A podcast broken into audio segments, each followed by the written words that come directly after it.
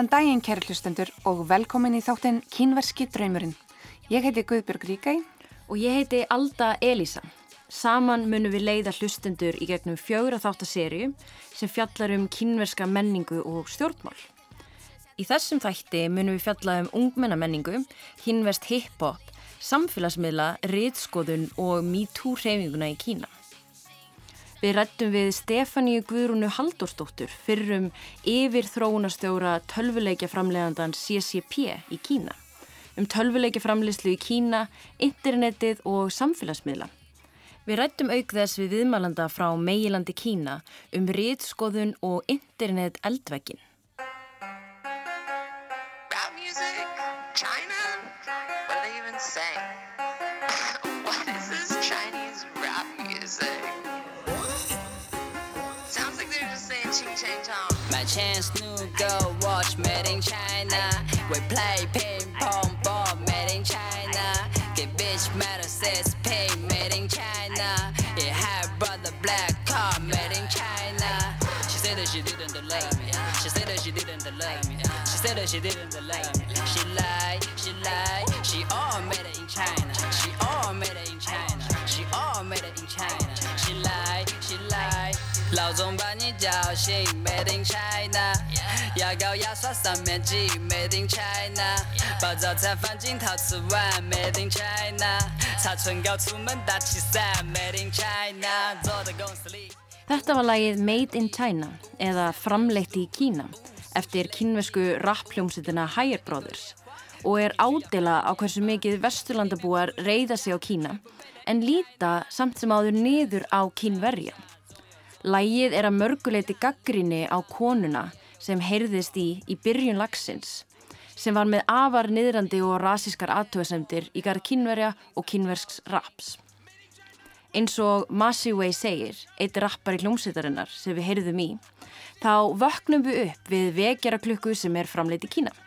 Við tamburstum okkur með tangremi og tannbursta sem er framleitt í Kína, fáum okkur morgumat í skál sem er framleitt í Kína og svo mætti lengi tellja. Það er ekki einungis ódýrir hverstarslegi hlutir sem eru gerðir í Kína, heldur einnig rándýrar merkjaförur, tæknivarningur, auka hlutir í luxusbíla, gullur og svo mætti lengi tellja. Með læginu framleitt í Kína eru Higher Brothers að fagna kínveskri menningu og hverju Kína hefur áorkað. Stór hluti tekstans fjallar um neysluvörur sem eru framleittar í Kína en þeir eru einning mjög stoltir af 5.000 ára menningu Kína og öllu sem hefur komið frá þeirri löngu menningarsögu. Higher Brothers heita eftir kínversku loftkælingarfyrirtækinu Higher. Þegar þeir voru byrjið í bransanum byggu þeir allir fjóri saman í einu herbergi og í herberginu var Higher loftkæling og þá dreymdi um að verða eins og loftkælingin sem mætti finna á heimilum um allan heim og í hæsta gæðaflokki. Draumur þeirra hefur að mörguleiti ræst þar sem þeir er í dag á samningi við bandaríska útgáfufyrirtækið 88 Rising, hafa haldið tónleikaferðalag til bandaríkjana og tónlist þeirra hefur verið spiluð á ýmsum miðlum út um allan heim, meðal annars hér í dag í útvarpi allra landsmanna. Yeah. Five star. Reach. Again 哟，哎，哈，恭喜你，哈，恭喜你发财，哟，哎，恭喜你，哈，恭喜你发财，哟，哎，恭喜你，哈，恭喜你发财，哟，哎，恭喜你，哈，红包交出来，哟，哎，恭喜恭喜恭喜。Hér má heyra Higher Brothers nota hérna klassísku kínversku nýjáskveðju Gongxi Ni Fa Tsai eða Ég óska þér auðus sem er notið í kringum kínverska nýjárið þegar fjölskyldur koma saman til þess að fagna nýju ári. Þessi ósk hefur orðið að veruleika fyrir fjöldan allan af kínverskum fjölskyldum. Líkt og diggir hlustendur eflust muna frá fyrra þætti, þá nam landframleysla Kína um þriðjungi af landframleysla heimsins árið 1837. Það er að segja við upphaf fyrra ópjumstriðisins sem var jáfnframt upphaf 100 ára niðurlægingarinnar. Við er lók hinnar 100 ára niðurlægingar, það er við stopnun alþjóðlýðveldisins áriðin 1949, namn landframleyslan einungis 5,2% af landframleyslu heimsins. En hvernig fór landframleiðslan frá 5,2% að landframleiðslu heimsins árið 1949 í að vera næstærsta hagkerfi heims, líkt og staðan er í dag? Ekki er eitt einfalt svar við þeirri spurningu. Hins vegar má reykja grunninn að breytingunum á hagkerfi Kína til Gaigu Kaifeng eða opnastöfnu Deng Xiaoping. Opnastöfna Deng sem hann kom á árið 1978, tveimur árum eftir andlátt Mao Zedong, byggði grunninn að Kína sem stórveldi á alþjóðavísu. Í stuttumáli sagt færðu breytingarnar hinn kynverska efnahag frá samegnastefnu í landbúnaði í markas hagkerfi með því að opna ríkið fyrir erlendri fjárfestingu og að leifa frumkvölum að stopna eigin fyrirtæki. Sankvæmt alþjóðabankanum hefur um 850 miljónum kynverja nú verið lift úr fátækt síðan þá. Nú í dag er hagkerfið í Kína, hér svo kallaða sósialíska markaðshagkerfi með kínverskum sérenginum, það næst starsta í heiminum á eftir bandaríkunum. Efnahagstefnan hefur leitt að sér mikla lífskjærabætur á meðal kínverja. Kínverskur efnahagur hefur vaksið hraðar en nokkuð þróað hagkerfi og hefur hagvöxturinn á síðustu 40 árum oft verið kallaður efnahagsundur sem mörg önnur hagkerfi treysta á. En ekki hafa einungis kynverjar grætt á efnahagsumbútunum, heldur hefur heimurinn allur í raun haft hag af þeim. Efnahagur Kína reyðir sig að mestuleiti á útflutning sem hefur gert það verkum að heiminum öllum býðst nú ótal vörur á mjög lágu verði líkt og rapparinn fyrir þættinum benti á. Í kjölfar breytinga á hagkerfnu voru uppi vonir meðal erlendra ríkja um að opninastefnan myndi leiða til aukins líðræðis í landinu. Þær vonir voru úti árið 1989 þegar kynveski herin réðst gegn og skaut á mótmælendur og aktivista sem kröfðust líðræðislegra umbóta á torgi hins himneska friðar.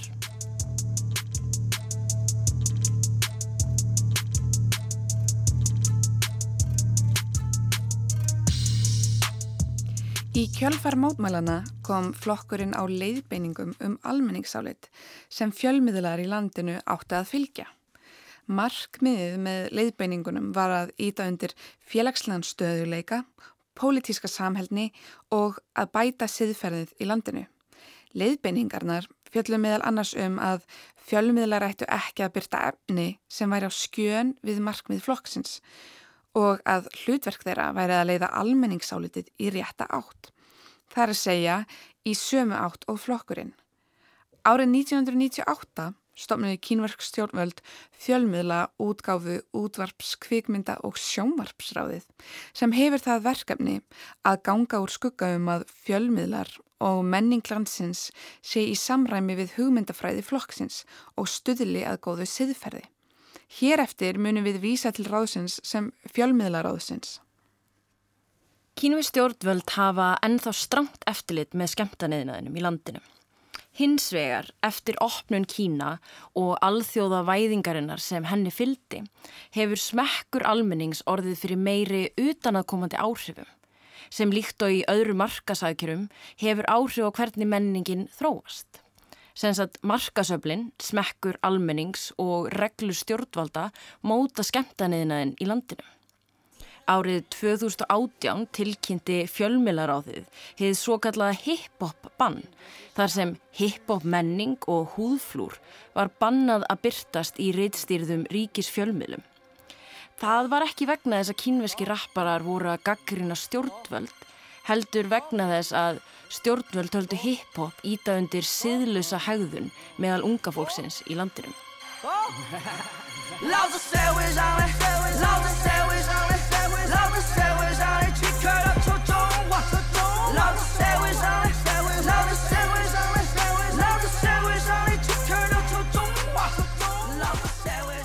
Þráttur að bannið sé oftast kallað hip-hop bann í vestrænum fjölmjölum, þá fól það ekki í sér algjört bann á hip-hop tónlist. Hip-hop aðdáðandur í Kína voru hins vegar ekkert sérstaklega hrifnir af banninu og fóru sumir internetnotendur á samfélagsmiðlinn Weibo sem er svipaður á Twitter og gaggrindu bannið harðilega. Fjölmiðlaráðið er algjört drast. Þau vildu ekki gefa kínverskum hip-hop tónlistamönnum neitt sjens. Ef ekki bara fara aftur til fornaldar. Hvernig getur svona hámenningaleg ríkistjórn verið svona barnaleg?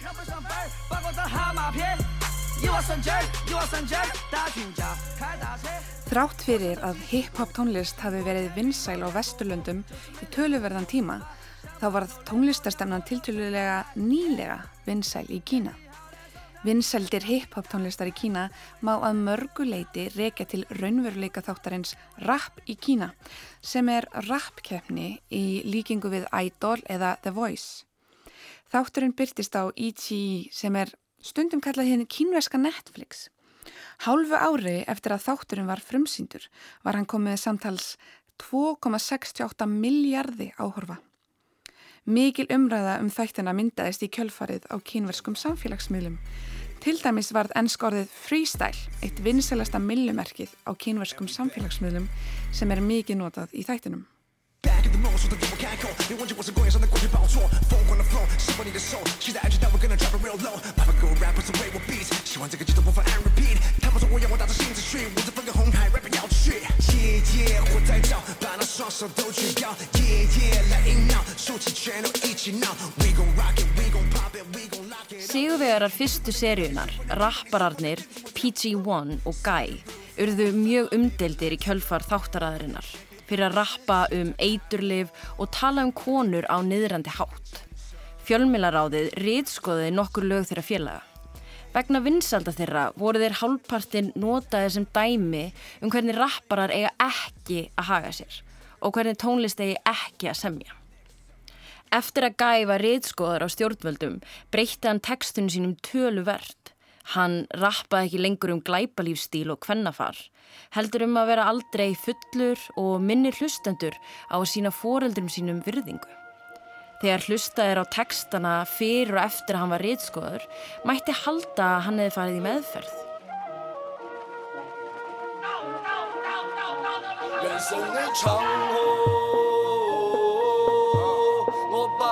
no,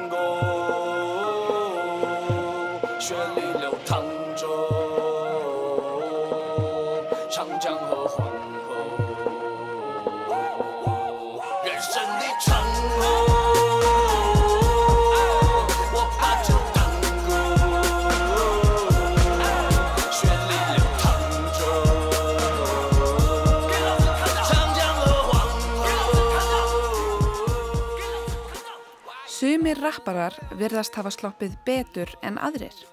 Higher Brothers sem við hlustuðum á fyrr í þættinum hafi sloppið vel undan reytskoðun þrátt fyrir að fara ekki eftir öllum stöðlum fjölmiðlaráðsins um gott siðferði. Þetta er gott dæmi um hvað reytskoðunin í Kína er ofta á tíðum óljós. Þrátt fyrir að eitthvað sé yfirlýst bannað er banninu ekki alltaf framfyllt. Aftur á móti er oft talað um að rýtskoðun kynverskra stjórnvalda sé þrýþætt. Í fyrsta lægi má nefna hinn svo kallaða eldvegg sem kemur í veg fyrir að kynverskir netverjar geti fengið aðgengi að ýmsum erlendum síðum eða miðlum. Til að mynda komast þér ekki á Facebook, Twitter eða Instagram og geta ekki notað leitarvélina Google. Svo er kynverskum netverjum einning meinað að láta ákveðin líkil orð, líkil setningar eða myndir á netið og geta því færslu þeirra sem innihaldast líka þætti ekki byrst, til dæmis á kínverskum samfélagsmiðlum. Það er einnig ekki hægt að leita ákunnum leikilorðum á kínverskum leitarsýðum. Rýtskoðun endar ekki þar. Einni er oft á tíðum efni sem er kvorki stoppað að eldvegnum nýja inniheldur eitt af bönnuðu leikilorðunum tekið niður. Það gæti verið vegna þess að efnið verður ofinsælt eða það gæti ítt undir óæskilega hegðun. Einmitt, það er ómögulegt að vita hvort meiri hluti kynverja sé hlindur rýtskoðuninni eða ekki. En eitt er víst að það eru mörg ólík sjónarmið uppi. Einn viðmælenda okkar lísti tveimur algengum sjónarmiðum meðal kynverja á rýtskoðun internetsins, fjölmiðla, menningar og samfélagsmiðla. For the most of Chinese people actually we'd like to or we hope, we hope in the future, like we can, we can Flestir kynverjar vilja, eða við vonum að í framtíðinni verðingir eldvekkir. Því nú geta fleiri og fleiri kynverjar farið erlendis og þegar þau fara til útlanda fá þau tækifæri til að vita hvað hefur gerst fyrir utanlandið þeirra og líka hvað fólk frá öðrum löndum segir um Kína. Þannig að fleiri og fleiri kínverjar hugsa um og vona að einn daginn verði engin eldvekkur og við munum geta talað um hluti á netinu. En á hinbóin telja sömur að takmarkaninnar á netinu séu leið til að vernda samfélagið og gera það stöðugra. Some of the people they thought about maybe the limitation would be a way to protect the society to be stable. What the f? Hey, it higher, it higher, it higher. There's no Skype, no Facebook, no Twitter, no Instagram. We use WeChat. Yeah, hey, yo, Case, tell me your WeChat number. Aha! 我打开微信不是来听你逼逼这些的，我打开微信不是来听你逼逼这些的，我打开微信不是来听你逼逼这些的，我打开， 我打开，我打开，打开微信，朋友圈出奢名牌包衣服又卖掉皮，心灵鸡汤的作用基本为零，对于你赚钱的机会只给我不给你没时间，我打开微信不是来听你逼逼这些。 Þegar kemur að samfélagsmiðlum í Kína er um auðugan garð að grísja. WeChat, Weibo, TikTok, Tencent og svo mætti áfram telja. Talið er að mánaðarlegir notendur WeChat séu um 1 miljardur. En Alda, hvað er WeChat nákvæmlega? WeChat er eins konar ofurforrið. Á WeChat er ekki einungi sagt að setja inn færslur og myndir eins og Facebook.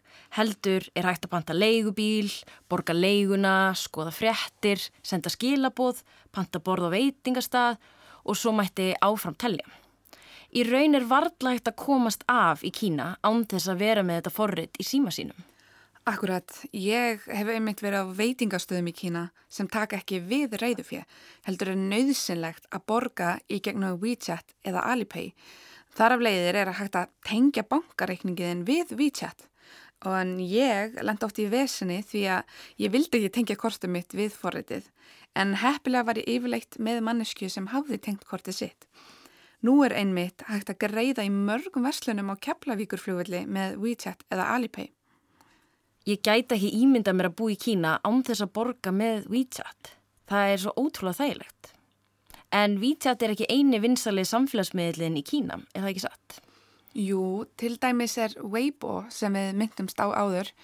Weibo er mjög vinsall samfélagsmiðl sem virkar svipað á Twitter og er með yfir 500 miljónir notenda. Svo má ekki gleyma TikTok sem er nú orðið mörgum Íslandingum kunnugt. Annað kynverst undur er svo tábá sem er vefur þar sem er hægt að panta allt á milli heimins og jarðar og fá það sendt heim til sín á með tíma stundum á innan við klukkustund. Til þess að fá enn betri insýn í kínverska netheima, samfélagsmiðla og tölvuleikjaframleiðslu rættum við við Stefáníu Guðrúnu Haldórsdóttur fyrir um yfirþróunarstjóra tölvuleikjaframleiðandans CCP í Kína. CCP er tölvuleikjaframleiðandi sem meðal annars framleiðir tölvuleikin EVE Online. Eða Stefania, gætir þið sagt hlustendum frá CCP og leiknum EVE Online? Já, EVE Online var gefin út árið 2003 og er þróaður hérna á Íslandi af CCP og 2005 þá var ákveðið að fara með leikin líka til Kína þannig að kínverðar getur líka að spila leikin og þetta er leikur sem er spilaður á einum sagt, server, allir er á sama server allan tíman nema það að það er ekki hægt í Kína þar sem að kínverski spilarar hafa ekki leiði yfirvalda til þess að spila á, á þá netþjónum sem eru fyrir utan, utan Kína. Þannig að það þurfti að setja leikin allan upp í Kína upp á nýtt og, og, hérna, og speikla í rauninni allt yfir. Og ekki nómið það að það verður líka í Kína, þá verður maður að vera með útgefanda. En hérna á Vesturlöndum gefur CCP út leikin EVE Online sjálft. En hérna í Kína að þá þarf að vera útgefandi sem er með leiði til að gefa út leiki í Kína. Og þá skiptast tekjurnar auðvitað á milli þar sem að framlega leikin og, og útgefandans. Og öll markasetning og öll notenda þjónusta fer í gegnum þá útgefandan og er í rauninni samkomulag á milli útgefandans og þessum þróa leikin og það var þannig þegar ég fer til Kína 2014 þá tek ég við sagt, þessari útgáfu og sambandinu við útgefandan í rauninni í Kína á Kínamarkaði sem var mjög áhugavert. En Yvonne Leiner er svona er hérna svona vísindaskáldsöguleikur með gameskipum mjög hérna skemmtilegur og áhugaverður leikur að öllu leiti Og hvernig var þá ferlið að þróa tölvuleiki kínu og var það fannst þér að vera mikið öðruvísi en að vera á Íslandi? Já, það var auðvitað þannig sko að Ífið þróaður á Íslandi og svo færi, er, hann, er hann í rauninni markasettur líka í Kína og, hérna, og þá verður þetta aðeins öðruvísi. Mar, og þegar það er útgefandi þá hefur maður miklu minni stjórn á því hvernig leikurinn er gefin út. Og útgefandin er í rauninni sko útgefandin er sérfræðingur á, á, á kínamarkaði. Og, og þeir vilja kannski gera hlutina öðruvísi. Og, hérna, og þeir hafðu líka mikið vildu hafa um það að segja sko hvernig hlutinni litu út og svona. Vegna þess að það er líka öðruvísi smekkur. Og, og þetta var svona þetta var svona stöðugt samtal í rauninni. Mitt, sko ég á mitt þannig að mitt á milli, ég hafði verið að stýra allri þróun og ívonlæn á Íslandi áður en ég fer til Kína. Þannig að ég bjóða því að þekkja þróunin á Ívonlæn mjög vel og, og alla sem voru í þróunateiminu. Þannig að ég fór í, í svona hlutverka að reyna að finna út er eitthvað sem við getum gert meira fyrir kínamarkað, er eitthvað sem við getum prófað að gera sem er öðruvísi og, og höfðar meira til spilara í Kína. Og svo eru svona hlutir eins og við erum vön til dæmis í tölvuleikjum hérna á Vesturlöndum að að til dæmis í kringum jólinn að þá er einhver tilbóð og þá er eitthvað flott í gangi og það er eitthvað jólalegt. Það á til dæmis bara ekkert við í Kína og það sem að kínverja búast við af kínverskum leik er að þegar að kínverska nýjárið rennur í gard þá gerist eitthvað í leiknum þá er eitthvað skemmtilegt í gangi það er eitthvað öðruvísi það eru, hérna, það eru tilbóð og, og, og þá eigðaði líka miklum tíma og miklum peningum í sagt, leikin mm. þannig að sagt, við, þurftum, við þurftum alltaf að vera með aðeins annað aðra áætlun sko, aðra markasáætlun í rauninni fyrir kínamarkað. Og það var alveg hérna, það er náttúrulega allt öðruvísi það er öðruvísi. Og svo vorum við náttúrulega líka við vorum líka að þróa tvo leiki á sama tíma á hérna úti á, í stúdíónu í Shanghai. Einn sem sett leik sem var á Playstation og heitir Dust 514 og svo vorum við að þróa síndarveruleika leik sem kom út á Samsung Gear VR og, og setna á, á Playstation og Oculus og, og Vive og öllu, öllu mögulegu svona síndarveruleika tækjum og sá leikur heitir Gunjack og er enn í sölu þannig að ég var bæði sko í því að vera í sambandi við hann útgefanda og reyna að brúa þarna bílið en líka með teimi inn, inn á skrifstofunni að, að búa til þessa tvo leiki. Og hversu vel tóku kínverskir tölvuleikja nótendur í þessa leiki? Sko, Ívonlæn og kínamarkaði gekk mjög vel og, hérna, og það er, var þarna vaksandi áhugi á vísindaskáldsugum og það sem var svo hérna, áhugavert það sem var að gerast þarna þessum tíma sko ég byrja hérna ég kem út í Kína þannig í janúar 2014 og það, það er þannig sagt, að það er ráðunheiti sem að samþykir hvaða kvikmyndir meg að fara í kvikmyndahús í Kína. Og það er mjög stíft ferli. Og það var mikið kvikmyndum þarna árin og undan og ég býst nú við að það sé ennþá að mikið vísindaskáldsög kvikmyndum sem að komast í gegnum síuna og má sína í þarna, og, og, og fá leifi til síningar að því að sko vísindaskáldsögur þær hérna þær eru ekki að gaggrína raunveruleikan endilega sem við búum í. Þær eru hérna miklu svona þær eru óháðari því, því sem er að, er að gerast í, í, til dæmis í stjórnmála umræðun í dag og, og allt það. Og hérna þannig að vísendaskáldsur komast oft í gegn. Og Transformers var alveg svakalega vinsæl til dæmis út í Kína. Og hérna þannig að áhugin á vísendaskáldsugleik er til staðar en það sem við vorum alltaf að horfa á svolítið er sko það, það var ekki eins algengt og var ekki eins hérna það út í Kína eins og var hér til dæmis að fólk hefði aðganga pjessitálfum. Þannig að það voru alltaf plön og, og hérna, um að koma leiknum á, á hérna, síma því að símaleikir eru bara aðalmálið út í Kína. Og náttúrulega, nú vinn ég ekki lengur á CCP en ég fylgist mjög náið með því sem er að gerast og, og hérna, mér skilst að það sé komin, símaleikur fyrir Ívonlægin út í Kína sem er að kínverðar hafa mikið náhá.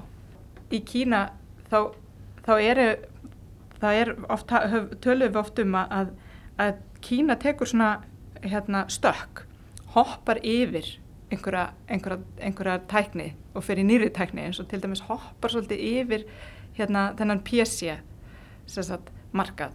Og allir fara beint í síma. Og það er fullt af fólki sem hefur aldrei átt PC-tölvu, aldrei átt fartölvu en, en fer beint í eigna síma. Og sama var nefnilega með greiðslu fyrirkomulag að hérna, Kína hoppar svolítið yfir kreditkortin. Það er ekki auðvelt að fá kreditkort í Kína. Það er bara mjög erfitt að fá kreditkort í bankanu sínum. Þannig að, hérna, þannig að samfélagsmiðlar voru þarna 2014, löngu komnir, er, voru komnir með greiðslu fyrirkomulag í gegnum síman. Þannig að kínverjar vöndust í strax að nota síman sinn í allt, í, að, í leikina, í að versla, í að borga út í búð, millifæra og, og bara lifa lífinu sínu á samfélagsmiðlum í, í, í símanu sínum. Sko. Og, og hversu stór markaður er Kína þegar kemur að tölvuleikjum í heiminum? Vistu það? Sko, tvö, sko 2014 að þá til dæmis gaf Tencent internetriðsinn út samskiptaforriði WeChat sem er nú notað í allt mögulegt og, og, leik, le, og það eru leikir líka á því plattformi og þarna voru sagt, notendur um 500 miljónir mm -hmm. og ég býst nú við að það fari bara vaksandi og hérna WeChat, þess að þú getur sendt textaskilabóð, rattskilabóð og broadcasta dilt ljósmyndum og, og myndum eiginlega bara eins og Facebook. En í ofanálega þá þetta, hefur þetta náð miklu meiri fótfestu sem sko leikja leikja plattform líka sko leikir tengjast í gegnum WeChat og, og hérna mm -hmm. og svo líka sem greiðslu hérna plattform Einmitt og nú hefur oft verið rætt um að internetið í Kína að það sé alveg lokað myndur þú segja að það veri rétt tólkun og hvaða áhrif það hefur á tæknithráðan?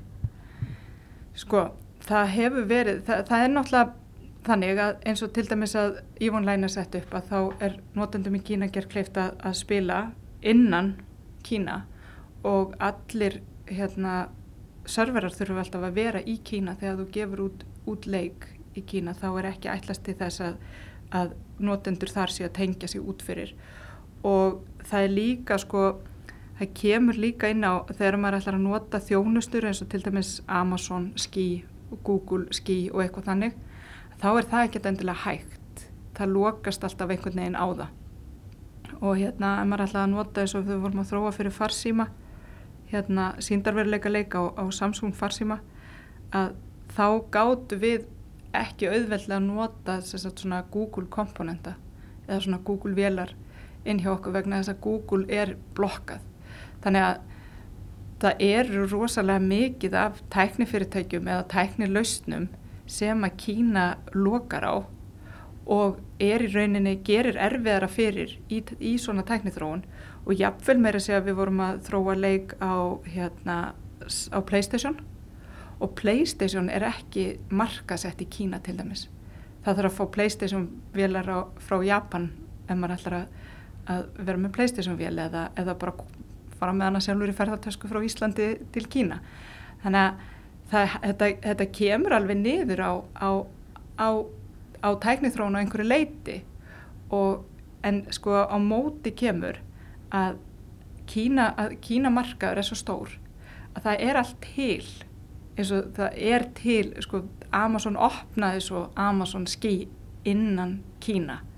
Og það tæknifyrirtækin finna út úr því og færa sig þá inn til þess að geta átt í þessum tæknilegu viðskiptum og samskiptum innan, innan eldvegsins og svo eru þjónustur eins og svona leitarvélar, þú notar ekki döðla, notar ekki Google nema þú sért með þá svona VPN-tengingu til að tengjast eins og sért að tengjast frá öðru landi. Og hérna en þeir eru með leitarvél sem heiti Baidu. Og þeir eru ekki, þú getur ekki fara á Facebook en þú getur verið á WeChat.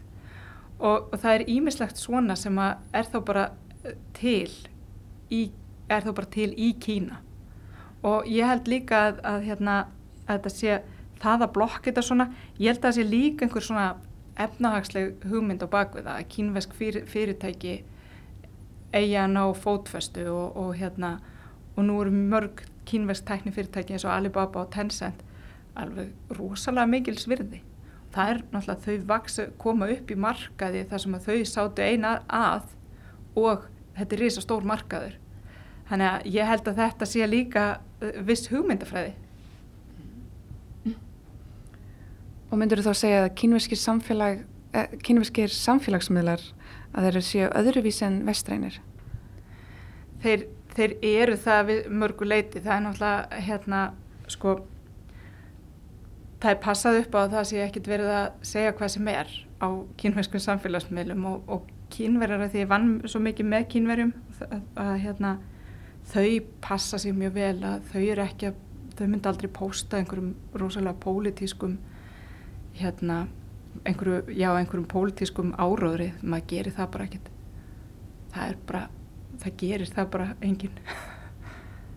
En veita þá kynverski samfélagsmiðlar ríkistjórnun ekkert aðhald eða? Ég held ekki. Og ég held að kynverski sko, ég held að, kyn, að, að allavega hérna, þetta unga fólk sem að ég vann með í þessari tölvilegja gerð þau líti ekki endil á það sem sitt hlutverk að vera, vera með mikið af skoðunum á, á samfélagsmiðlum þau litu, þau samfélagsmiðlar snúa miklu meira því að þú ert að, þú ert að kaupa þér einhverja vörur, þú ert að skoða einhverja myndir, þú ert að horfa á einhver trend og, og hérna, þú ert að horfa á einhvers fyndin vídeo, það er miklu meira þannig. Vítjátt er miklu svona, miklu svona friðsætlu og þægilegri vettfangur og teltur en þegar maður opnar Facebook og, og, og hérna og fær sér þá já, alls konar hluti sem er að gerast í heiminum og fólk vil koma á framfæri og fólk vil vekja, vekja aðtikli á. En, en hérna samfélagsmiðlar í Kína eru miklu meira svona uh, viðskipta uh, sko, eru áhugaverðari út á, á markasetningu og allt þetta Og hefur þá kínuski tölvuleikja markaðarinn áhrif hérna á vesturlöndum? Ég veit það ekki alveg. Við mér finnst við ennþá vera svolítið ólík og, hérna, og mér finnst ennþá, ég er ekki ennþá búin að sjá kínveskan tölvuleik slá í gegn hérna á Vesturlöndum. Og það er oft, maður horfir á það oft þannig sko að, að í Kína þá fara tölvuleikir, eru faraðir miklu hraðar, þeir verða sko ofsalega vinsælir og svo er þeir bara hættir að vera til. Og svo kemur næsti og svo kemur næsta. Og það hefur í rauninni, ég hefði haldið þarna því að það, svo, það er svo rosalega mikil gróska í tölvuleikja heiminum í Kína og bara í Asi almennt að ég hefði alveg haldið að það kæmi meira yfir til okkar en það hefur gert. Ég vil að vera svolítið hissaði því að það er margt rosalega flott sem er verið að gera í, í Kína og margt mjög áhugavert 一九九五年，我来到这个世界，在此我想给我的母亲最真诚的致谢。为了把我养大，放弃了她的事业，可是我却让她痛苦在每个日夜。外婆她告诉我，我的父亲早。Oft er minna um raugræður á kínvöskum samfélagsmiðlum um pólitík og önnur samfélagslega málefni en við eigum að vennjast á Íslandi. Það er þó ekki algilt. Til dæmis myndaðist mikil umræða um kynferðslega áreitni í kjölfar MeToo-byltingarinnar. MeToo-byltingin sem að byrja í bandaríkunum gaf nokkrum kynveskum konum kjark til þess að stíga fram og segja sögu sína af kynferðslu ofbeldi og áreitni. einhverja þeirra söguðu áhrifamikla menn í tæknigeranum, fjölmulum og háskólasamfélaginu um að hafa brotið á sér kynferðslega. Lo Sisi var fyrsta kynveska konan sem að notaði millimerkið MeToo á Weibo. Hún ásakaði fyrfirandi leiðbyrjanda sinn í háskóla um kynferðslega áreitni. Hún er frá húnan hér aðeim en býr í dag í bandaríkunum. Í framhaldi af því voru einmitt leitarorð tengd MeToo reytskoðið á internetinu og færslur með millimerkinu MeToo hurfu af samfélagsmiðlum. En klókir netverjar gáttu komist fram hjá reytskoðuninni með því að nota kynversku tjáknin eða emoji fyrir hrísgrjón. Það er me og kanínu eða tú saman me too. Einhverjum feminískum hópum var einni lokað á samfélagsmiðlum. Femíniski aktivistinn Sofia Huang Xueqin var til að mynda handtekinn árið 2019 fyrir skrif sín á samfélagsmiðlum og í fjölmiðlum. Hún skrifaði um kynferðslega áreikni á vinnustöðum í Kína og mótmælarreyfinguna í Hong Kong. Hún satt í þrjá mánuði í fangelsi. Þráttur að stjórnvöld rýtskóði umfjöllunum kynferðslega áreitni og ofbeldi, reyndu þau að bæta stöðu þólenda kynferðisofbeldis í kjölfar byltingarinnar. Kynferðis áreitni og mismunun á grundveldi kynferðis er bönnuð samkvæmt lögum í Kína. Slíkum málum er þó ekki alltaf fyllt eftir. Í desember 2018 í kjölfar MeToo-byltingarinnar bætti æðsti dómstól landsins þó kynferðisleiri áreitni formlega á lista yfir forsendur fyrir engamálum til þess að auðvelda þólendum að leita réttar síns. Einni voru sett lög til þess að skýra betur hvað fælst í kynferðisleiri áreitni og hvernig stjórnendur fyrirtækja gætu verndað starfsmenn sína fyrir áreitni. Þetta er einmitt gott dæmi um að stjórnvöld fylgjast með umræðinni á netinu og gera stundum breytingar í samræmi við það. Einn fyrsti stórsigurinn í kjölfar MeToo-byltingarinnar var að í fyrsta sinn í sögu Shanghai var maður dæmdur fyrir kynferðislega áreikni í almenningssamgöngum. Hann þurfti að afplána sex mánada fangelsistóm. Margir velta því eflust fyrir sér af hverju líkilor tengd MeToo-byltingunni voru rétskoðuð þar sem umræðinum kynferðislegt ofbeldi og áreitni tengist ekki stjórnvöldum með beinum hætti. Sangvært nýðustöðum rannsóknar sem Gary King, Jennifer Pan, Margaret Roberts og fleiri gerðu og byrtist í rétinu American Political Science Review er það ekki gaggrinni á stjórnvöld sem slík sem er rétskoði í Kína. Heldur er það sem gæti leitt til sameilera aðgerða almennings, til dæmis mótmæla. Það er því líklegt að helsta ástæðan fyrir því að MeToo umræðin var reyðskoðuð sé svo að hún þótti líkleg til þess að leiða til sameilera aðgerða almennra borgara. Kínverð stjórnvöld virðast einni vilja koma í veg fyrir hvers konar hópa myndun, óháð því hvernig hóp er um að ræða. Í dag höfum við reynd að gefa hlustendum insýn í flókin heim ungmennamenningar, hip-hop tónlistar, samfélagsmiðla, internetsins og rýtskoðunar í Kína. Í næsta þætti fjöllum við um mótmælarreifinguna í sjálfstjórnarhéræðinu Hong Kong, hvern hún byrjaði og hvert hún stefnir eftir að hinn umdeldu öryggislög hafa verið sett á. Við þökkum ykkur fyrir samfélgin í dag.